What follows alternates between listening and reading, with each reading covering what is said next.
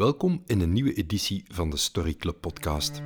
Ik sprak met psychiater Dirk de Wachter. Dirk de Wachter schreef eerder het boek Borderline Times, waarin hij als systeemtherapeut de maatschappij op zijn psychiaterbank legde. Hij noemt zichzelf een romanticus, maar hij zoekt de romantiek in het kleine. Het was zijn dochter die hem op zesjarige leeftijd als eerste verdrietdokter noemde. Dit omdat zij destijds het woord psychiater nog niet kon uitspreken. Erg passend natuurlijk, want verdriet, zo zei Dirk mij, is vaak de motor van de vele gesprekken die ik in mijn kabinet voer.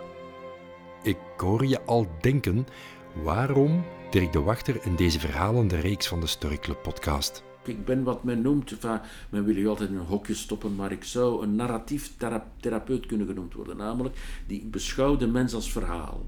De mens is een verhaal. De mens is een talig wezen die een verhaal maakt over zichzelf en over de wereld. En het is in dat verhaal dat ik de ander ontmoet. En het is proberen in dat verhaal kracht te vinden en, en ergens ja, lijnen te vinden die mensen kunnen vooruit helpen en terug uit de miserie halen. Dat moeten ze zelf doen. Hè. Maar in de dialoog hoop ik om mensen terug op een spoor te brengen. Voilà, daarmee weet je het. Maar ik wou graag nog een beetje verder gaan. Ik wist dat Dirk de Wachter, net als ik, een groot liefhebber was van de muziek van Leonard Cohen. Hij noemde de figuur Cohen zelfs zijn levenscompaan. De universele thema's uit de songs van Cohen waren de rode draad doorheen ons gesprek. Verhalen en muziek, zei Dirk me, zijn de middelen bij uitstek om tot de diepere lagen van de mens te komen. Ik sprak met Dirk de Wachter in zijn werkkamer. Zijn psychiaterkabinet eigenlijk. Ik moest niet gaan liggen. Dat vond ik alvast een goed begin. Ik vond het een erg aangenaam en leerrijk gesprek en ik moest niet betalen achteraf. Dat was mooi meegenomen. Welkom bij de Story Club podcast. Maar je kent wel verschillende stukken oh, van zijn nummers uit je hoofd. Ik ken de hele, het hele oeuvre zeker het vroege uiveren van buiten. Omdat ik het ook, ik, ik speel de gitaar hè, en ik heb alle nummers ook honderdduizend keer gezongen. Hè.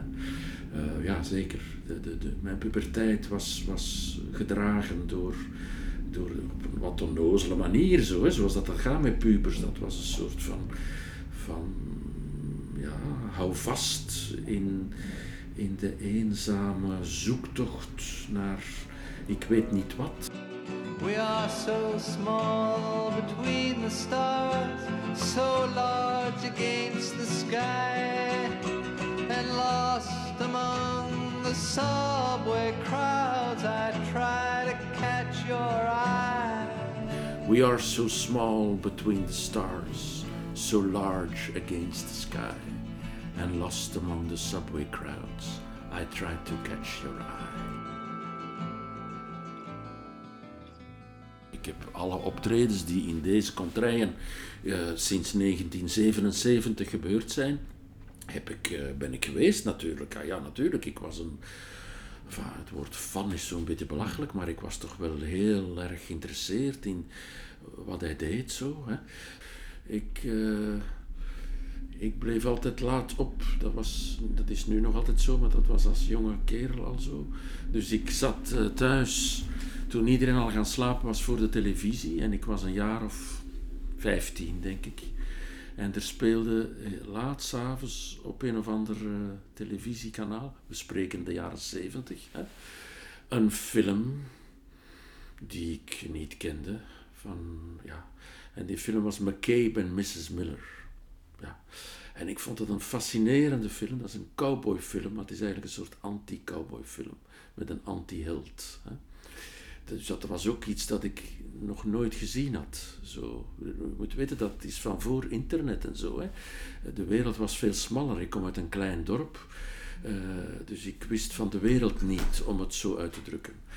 Uh, dus ik zag die film, ik was gefascineerd door die, door die film, door die, die eenzame cowboy die door het winterlandschap uh, trekt met zijn paard. Dat was al een beeld dat ik heel bijzonder vond. Ik ben altijd heel gefascineerd geweest door, door eenzaamheid eigenlijk. Hè? En zeker op die leeftijd ook. En dan, ik weet nog goed, er, er kwam een stem. en een stukje muziek. En dat, ik werd van mijn paard gebliksemd. It's true that all the men you knew were dealers who said they were through with dealing every time you gave them shelter. I know that kind of man.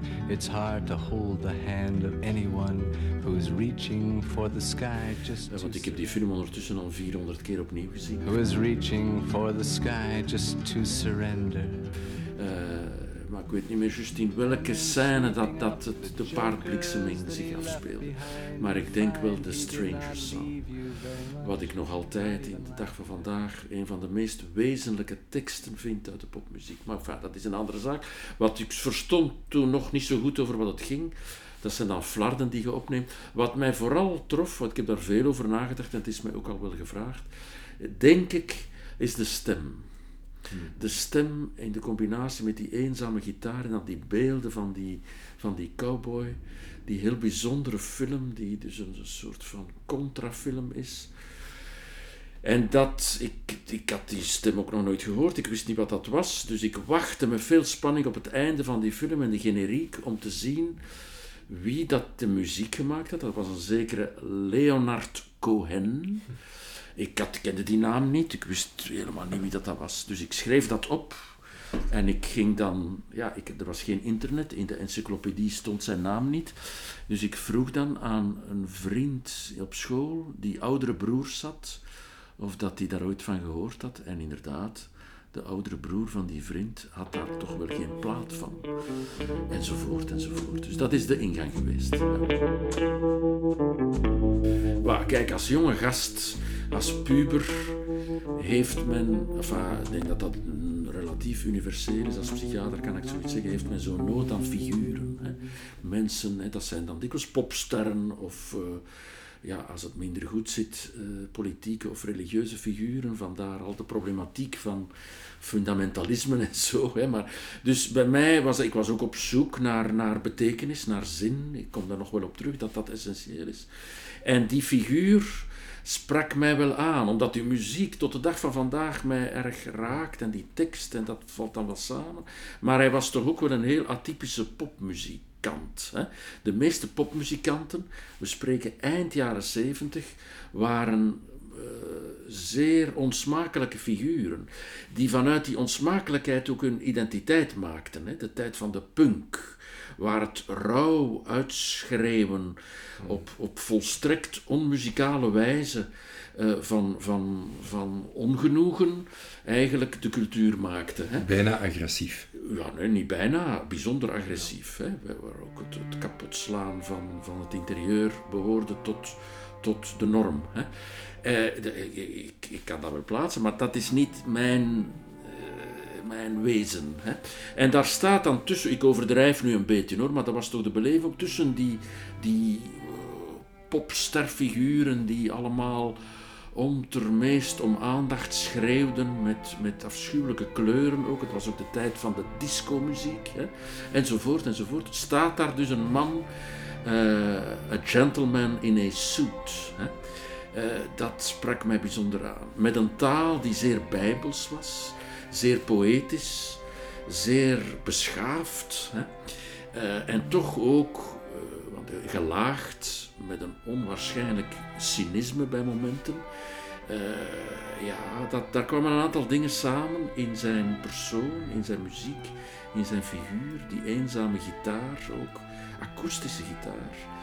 Dat, op een of andere toevallige manier, juist op die leeftijd, viel dat in een plooi.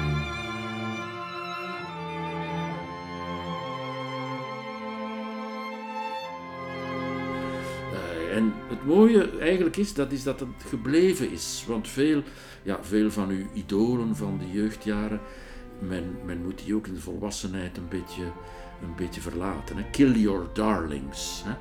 If, you, if, if you got a Buddha, kill him. Hè?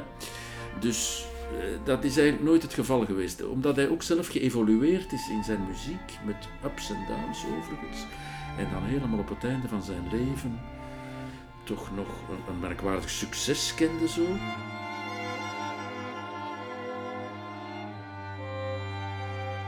Eh, there is a crack in everything. Zo zie ik dat. Hè. Er komen hier mensen in deze consultatie met de grootste wanhopige verschrikking. En ik zit hier als de mens van de mogelijkheid. Hè. I sing this from the other side of sorrow and despair. With a love so vast and shattered. Zoiets. Hè. Het gaat over, uh, over de, de, de, de, basis van mijn, van mijn denken. Hè. Uh, borderline Times. Hè. Waar hij dus op het einde zegt: uh, It's over now. The water and the wine. We were broken then, and now we're borderline. I wish there was a treaty we could sign. It's over now, the water and the wine.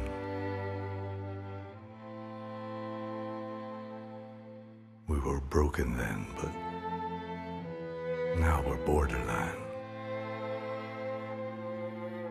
And I wish there was a treaty. I wish there was a treaty between your love and mine. Ah, ja, kijk, hoe ongelooflijk kan dat toch zijn? Dat is merkwaardig toeval. Hè? Hoe, en dan sterft hij, hè? want dat was het laatste nummer van zijn laatste plaat en daarna was het voorbij. Dus hij, hij, citeert mij op het einde van zijn bestaan. Letterlijk, hè? dus heel, heel mijn discours gaat over het, het, het, een, een crack in, in, in, de, in de evolutie, hè? waarbij de grenzeloosheid en de borderline time deze tijd uitmaken. It's over now the water and the wine. Het is voorbij die religieus gedragen vaste structuur, les grands histoires. Hè. En nu is er de, de borderline time. Ja, dat was voor mij natuurlijk een ongelooflijk uh, godsgeschenk.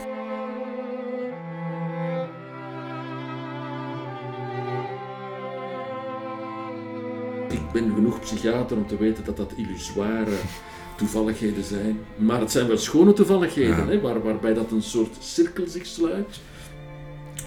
Voilà. Uh, nu, je, je, bij, bij, bij, bij Cohen zit ook een hele diepte zwarte sfeer in. Absoluut, ja. Maar dat... je zei, there is a, the, the crack, there is a crack in everything, that's where the light gets in. Een van zijn bekende zinnen. Is dat ook een geloof in de verlossing? Ik denk dat hij uh, zoals ikzelf en zoals denk ik veel mensen in deze tijd niet goed weet hoe het allemaal in elkaar zit en daar ergens hoop koestert dat, dat er in de miserie altijd wel weer nieuwe mogelijkheden blijven, wat natuurlijk in mijn vak als psychiater ook heel wezenlijk is. Hier komen mensen in de grootste miserie, met de grootste wanhoop. Hè? En het is mijn taak, het is mijn ethische plicht om dan aan de kant van van de mogelijkheden te staan.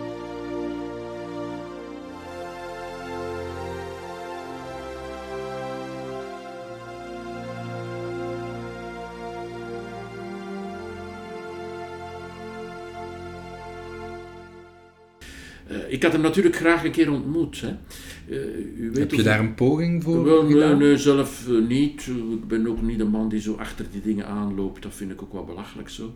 Maar eh, ik, ik, was in de fantastische gelegenheid eh, begin vorig jaar om uh, een, een, nummer te maken voor, voor de Standaard, het Standaard Weekblad. Ja. En Guinevere Klaes, de hoofdredacteur, vroeg mij van tja, wie wilde zo interviewen? En dan zei ik, ja, Johan Sebastian Bach. Maar na veel onderzoek bleek dat die man overleden was. En dan uh, dacht ik, Leonard Cohen, dat is misschien toch ook een goed idee. Of Marina Abramovic en zo. Enfin, allemaal volstrekt onmogelijke dingen. Maar dan eh, dat bleek dat, dat hij niet te bereiken was, dat dat echt niet kon. Stel dat je met hem zou kunnen gaan wandelen deze week. Ja. Wat zou je hem zeker vragen? Ja, dat vraagt men mij altijd. Is het echt? Ja, ja, ja zeker. Ja, niet origineel. toen ook. Uh, ik weet het niet goed. Het, ik vrees een beetje dat dat zou tegenvallen, zo'n gesprek. Hè? Dat dat dan ja, ge, ge, geprojecteerd allerlei verwachtingen in zo'n figuur. Hè? Maar goed, dat is dan één zaak.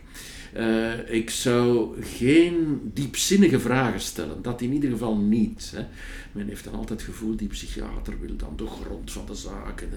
Ik zou denk ik, moest dat nu vorig jaar zo geweest zijn, heel gewoon eh, willen spreken met een mens die ouder wordt en bijna op het einde van zijn leven staat en zeggen, hoe is het? Hè? Eh, hoe is dat nu zo? Eh, zo? Zo op het einde zo. Hoe gaat het met u? Hoe is het met uw rug? Hij had blijkbaar veel last van zijn rug. ja, zo. Ik zou ik vriendelijk vragen hoe het leven zo'n beetje loopt en hem een beetje laten babbelen over wat hij zelf goesting voor heeft. Zeker geen diepzinnige vragen. Dat zou ik echt niet doen. Kijk, ik, die vraag is mij ook al gesteld, enkele jaren geleden, uh, heel toevallig door Friede Lesage, de bekende radiomaakster. Uh, wat zou het doen, moest je Michel Houellebecq kunnen ontmoeten? De, de bekende schrijver, die ik ook vaak citeer in, in een aantal boeken die ik ook uh, om heel andere reden bijzonder bewonder. Wij ook, hij is ook een man van de duisternis. Hè. En uh, ik zei toen aan, aan Friedel, ja, dat kan niet en dat zou tegenvallen. Hetzelfde verhaal. Ja? En ik zou gewoon doen. Enkele weken na dat interview krijg ik een mail van Michel Houellebecq, naar aanleiding van een heel, aantal heel complexe uh, fenomenen, om bij hem op, uh, op diner te komen. Dus wat ik dacht dat volstrekt onmogelijk was, gebeurde dan. En ik moet eerlijk toegeven, het viel niet tegen. Uh, en ik heb met hem inderdaad kunnen spreken, doodgewoon over het leven. En dat is een van de meest interessante gesprekken uit mijn bestaan geweest natuurlijk. Hè. Dus in die zin zou dat met Cohen ook wel kunnen geweest zijn. Maar uh, het zal in de hemel moeten zijn.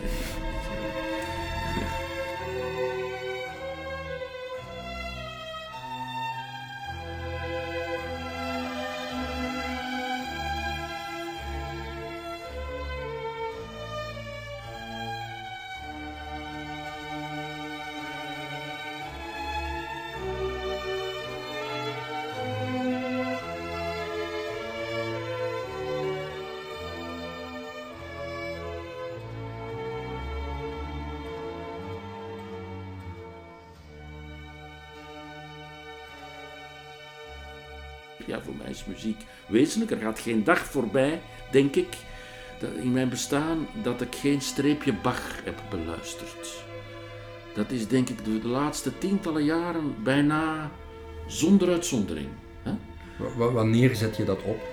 Oh, dat is allemaal niet zo wel bewust duidelijk, maar dat, uh, er is veel muziek in dit huis. Hier waar ik woon was vroeger de Rijksmuziekacademie ook een plezant toeval zo, hè, maar dus hier, dit huis heeft muziek in zijn, in zijn potten, in zijn fundamenten. Hè. Uh, en ik heb, uh, mijn kinderen spelen alle drie uh, muziek.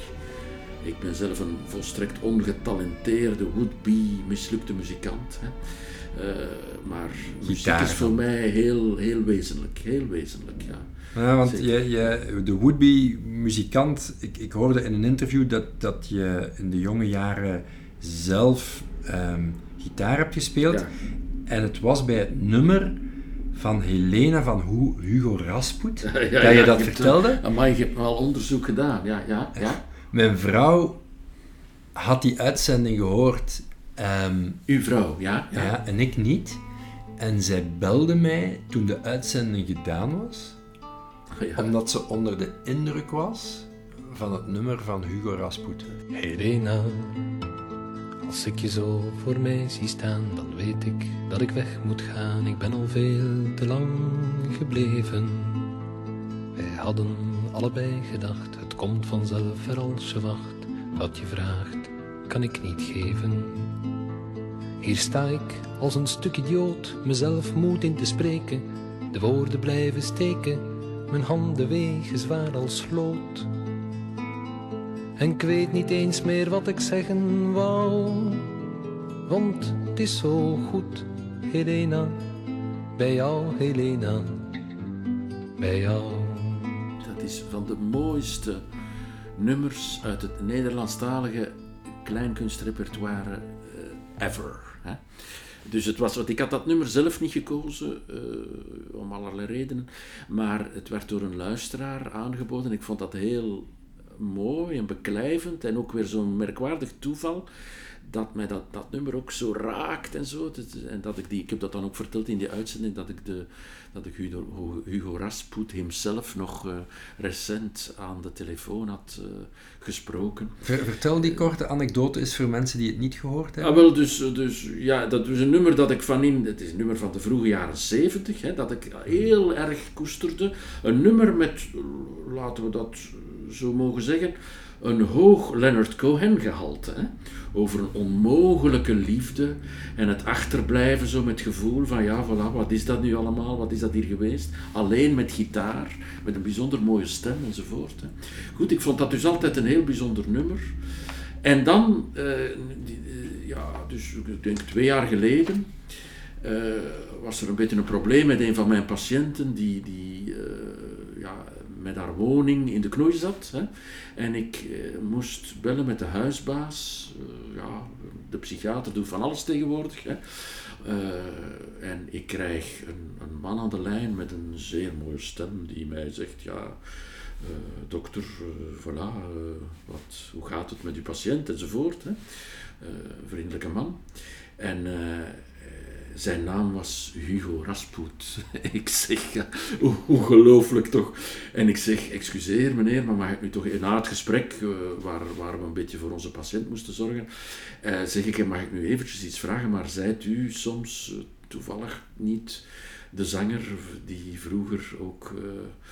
opgetreden. En hij was dat inderdaad. Hij zegt, is dat toch mogelijk? Dat is 30 jaar geleden, ik doe dat allemaal niet meer. Dat dat nog altijd zo speelt, dat zal toch zijn omdat mijn naam zo speciaal is. Ik zeg, ja, dat kan, maar alleen, ik wil u toch bedanken voor die heel mooie eh, liedjes die u gemaakt heeft. Zo. Hij vond het zelf, eh, heb ik in interviews ook gelezen, een beetje vervelend dat hij altijd alleen maar met Helena werd vereenzelvigd. Hè. Hij heeft veel andere nummers gemaakt en ook nummers van een andere orde. Zeer anticlericale, wat, wat post-68-achtige nummers. En niet alleen die wat puberale eh, liefdestoestand. Maar goed, het was heel plezant om hem zo te horen. Ja.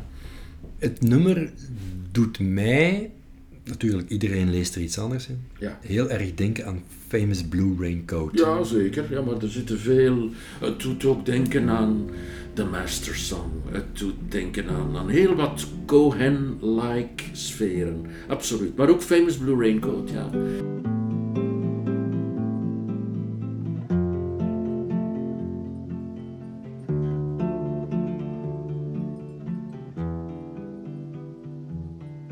It's four in the morning, the end of December. I'm writing you now just to see if you're better. New York is cold, but I like where I'm living. There's music on Clinton Street all through the evening. I hear that you're building your little house deep in the desert. You're living for nothing now. I hope you're keeping some kind of record. Yes, and Jane came by with a lock of your hair. She said that you gave it to her that night that you planned to go clear.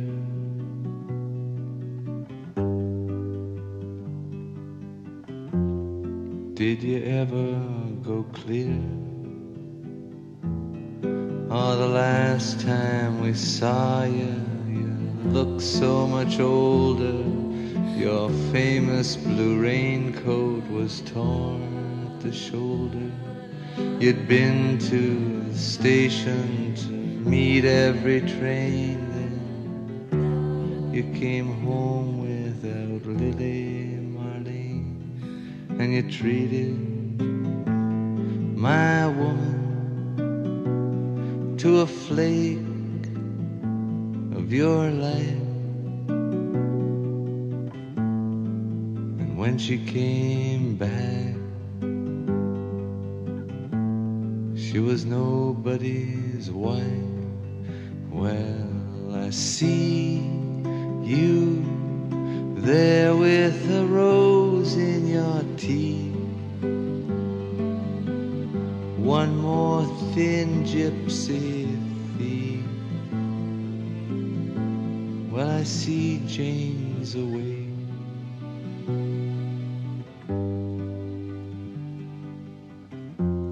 She sends her regard. Waar, waar hij dus. Maar dat is een heel gelaagde song ook, hè, Famous Blue Raincoat. eh, is een, een lied waar hij dus de, de, de man aanschrijft die met zijn lief is gaan lopen. Hè. En hij zegt hem: eh, Dank u wel, want eh, je hebt daar het leven getoond. Hè. Maar het verhaal gaat dat hij is eigenlijk degene die eh, aangeschreven wordt. Hè. Hij is gaan lopen met dat lief. Hè. Sincerely, L. Cohen. Cohen zelf, biografisch gewijs.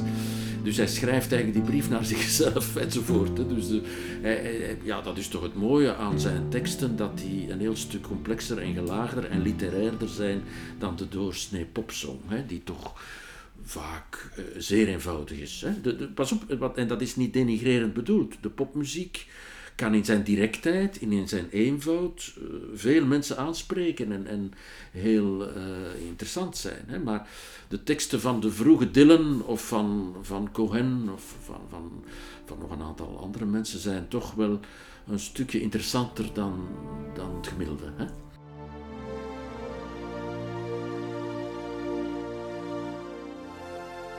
Ik denk dat we de trend hebben in onze westerse maatschappij hier om eh, alles leukig te, te moeten vinden. Om op Instagram en op WhatsApp en op Facebook en wat is het allemaal, foto's van feestjes en van vrolijke leukigheid en vakanties en eh, alles partytime en wellness. Alles is fantastisch. Hè? En het verdriet heeft geen uitgang. Hè? Dus ik denk dat, mijn stelling is dat we dat verdriet inderdaad wat moeten naar buiten brengen. Niet, ik moet altijd goed nuanceren, in een soort emo-cultuurachtige braaktoestand van, van, van in de openbaarheid al uw intimiteiten te verkondigen. Dat is het laatste van mijn bedoelingen, maar wel met elkaar, in vertrouwen, in, in, in vriendschappelijkheid, in liefdevolheid, te durven spreken over kwetsbaarheid, over verlies, over tekort, over miserie. En ik denk dat dat in onze cultuur problematisch is. Ja.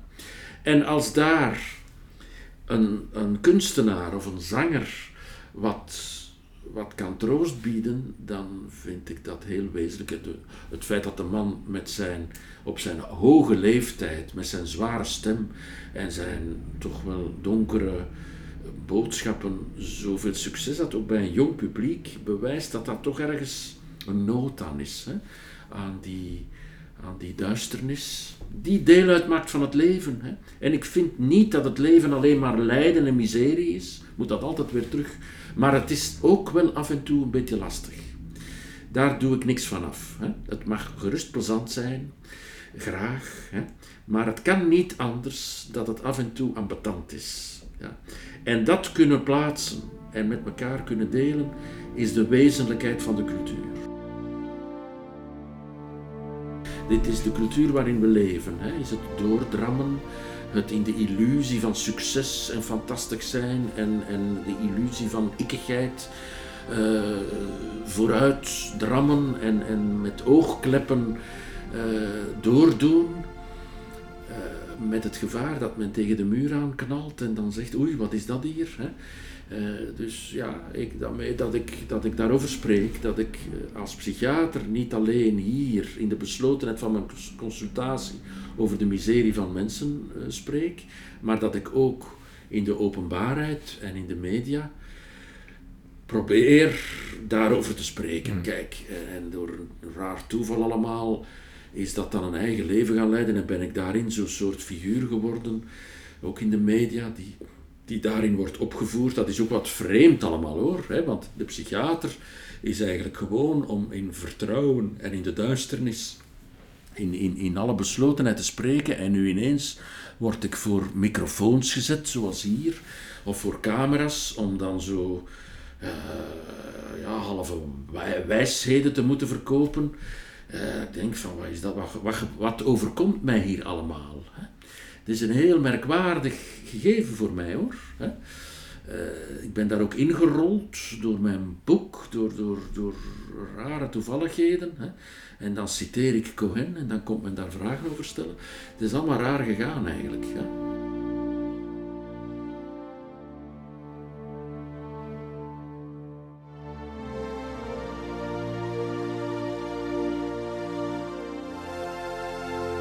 Uiteraard, ik ben ook een grote bewonderaar van de filosofen, omdat zij de dingen die ik op eenvoudige, hakkelende manier uitdruk en die ik probeer mee te geven vanuit mijn beroep als psychiater, dat ik die bij de filosofen op een doordachte, gegronde en ook in de geschiedenis eh, ingehaakte manier dan kan lezen. Hè. Eh, maar ik doe heel veel beroep op de filosofie, zoals gezegd Levinas, maar ook de grote filosofen van in de geschiedenis, zoals eh, Heidegger of, of, of vroeger ook nog zo, hè, om mijn gedachten te ordenen. Hè. Eh, ik, eh, maar maar ik, ik ben geen filosoof, ik ben een psychiater, dus ik spreek altijd weer opnieuw vanuit de praktijk. Dat is mijn bijdrage in de discussie. Dus ik, ik, ik moet niet proberen de filosoof uit te hangen. Ik ben wel een filosofisch geïnteresseerde psychiater. Die vindt dat als ik moet nadenken over mijn beroep, dat de filosofie daar een belangrijk eh, steun is. De en, en ook een tekort, want ik vind dat ook de filosofie maar een stuk kan uitdrukken van wat ik wil beweren en dat er heel veel in het niet weten zich afspeelt en alleen maar kan getoond worden, gevoeld worden, rakelings via de poëzie, via de muziek, via de beeldende kunst, via de dans, via theater, de literatuur enzovoort. In het voorbij het rationeel wetenschappelijke. Ik vind dat we kunst, literatuur, poëzie en, muziek moeten integreren als onderdeel van het leven. Hè. Dat heeft niks met bedrijfsleven aan, aan zich te maken. Ik zou niet weten waarom dat alleen in bedrijfsleven zou moeten en de rest niet. Voor mij is dat, zijn die dingen wezenlijk voor het menselijk samenleven. En, en voor de cultuur met kleine c is de cultuur met grote c een heel belangrijke houvast. Hè? Dus voor de cultuur in de zin van het samenleven van mensen is creativiteit en, en voorbij het, het efficiënte gaan een heel belangrijk wezenlijk gegeven. Voor mij is cultuur met grote c, kunst, niet de kers op de taart van het menselijke samenleven. Een soort van, als alles goed gaat, dan kunnen we ook nog wat aan kunst doen en dan hangen we dat mooi aan de muur en past bij de gordijnen. Dat vind ik niet. Kunst is voor mij de bodem van de taart, niet de kers op de taart. Is de wezenlijkheid van het menselijk zijn. De creativiteit, wat mensen kunnen, kunnen uiten van, van hun onbewuste, dat gaat daar ook een stuk over, wat, wat, wat, wat elkaar verbindt boven de evidenties heen van, van eh, rassen en culturen en families, dat is wezenlijk. Ja? Een vraag die ik op het einde bij iedereen al heb gesteld. Ik ga ze ook graag aan u vragen. Ik doe het met enige reserve om aan de psychiater die vraag te stellen. Ja, ja, Is er iets dat je mij wil vragen als we de rollen eens omdraaien? Eh, daar ben ik nu niet op voorbereid. Ik, eh, wat, wat doet de psychiater? De psychiater eh, vraagt altijd. Wel, dan zou ik toch wel, ja, dan vraag ik u wat, wat betekent dit gesprek nu voor u? Wat al deze, deze praatjes, deze, al mijn en eh, toevallige oprispingen die hier nu aan bod komen, wat kunt je daar nu mee? Dat is mijn vraag altijd eigenlijk. Dat is mijn vraag aan u persoonlijk, maar eigenlijk is dat ook mijn vraag aan de mensen die dit misschien eh, gaan beluisteren. Hè? Die, die, die paar misschien honderden mensen die dat dan gaan beluisteren. Wat kunt je daar nu? Het is een heel wezenlijke vraag hoor.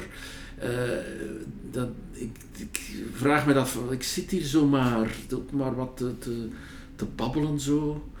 Wat kunt je daar nu toch mee? Dat is mijn vraag, voilà. Ja.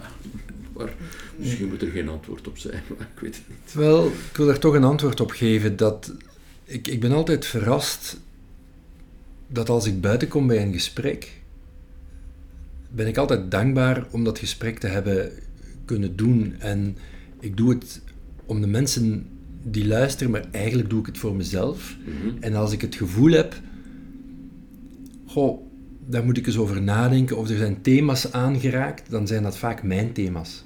Ik, ik luister naar dit gesprek met heel veel mijn eigen thema's in mijn hoofd. En ik stel natuurlijk die vragen waar ik zelf naar op zoek ben. Het is juist. hè. Je En- bent er je al bewust van, dat is al veel waard. Hè. En, en, en het is mijn pad. Ehm, en als ik er ergens inspiratie uit haal, dan denk ik dat er nog mensen met die thema's bezig zijn. En het mooie daaraan vind ik dat je met Leonard Cohen in dit geval, je tot een gesprek komt zonder plan, zonder objectief, en dat verdieping automatisch ontstaat of niet. Mhm, mhm. Misschien is het ook gewoon een goede koppe manier om bij de psychiater te gaan, advies te krijgen en niet te moeten betalen. Het is eh, van harte gegund. I'm. Mag ik besluiten met deze quote? Out of the game. I'm leaving the table, I'm out of the game. I don't Dat is know mooi, hè? Dank u wel. Allee, bedankt voor het gesprek. Dank u. in your picture frame. U luisterde naar de Story Club podcast. Mijn naam is Raf Stevens. Ik had een gesprek met Dirk de Wachter. Meer verhalen vind je op Facebook of ga naar www.watisjouwverhaal.be. Je abonneren op deze podcast kan via je gewone podcastreader, dat kan iTunes zijn of voor Android Stitcher. I'm leaving the table. I'm out of the game.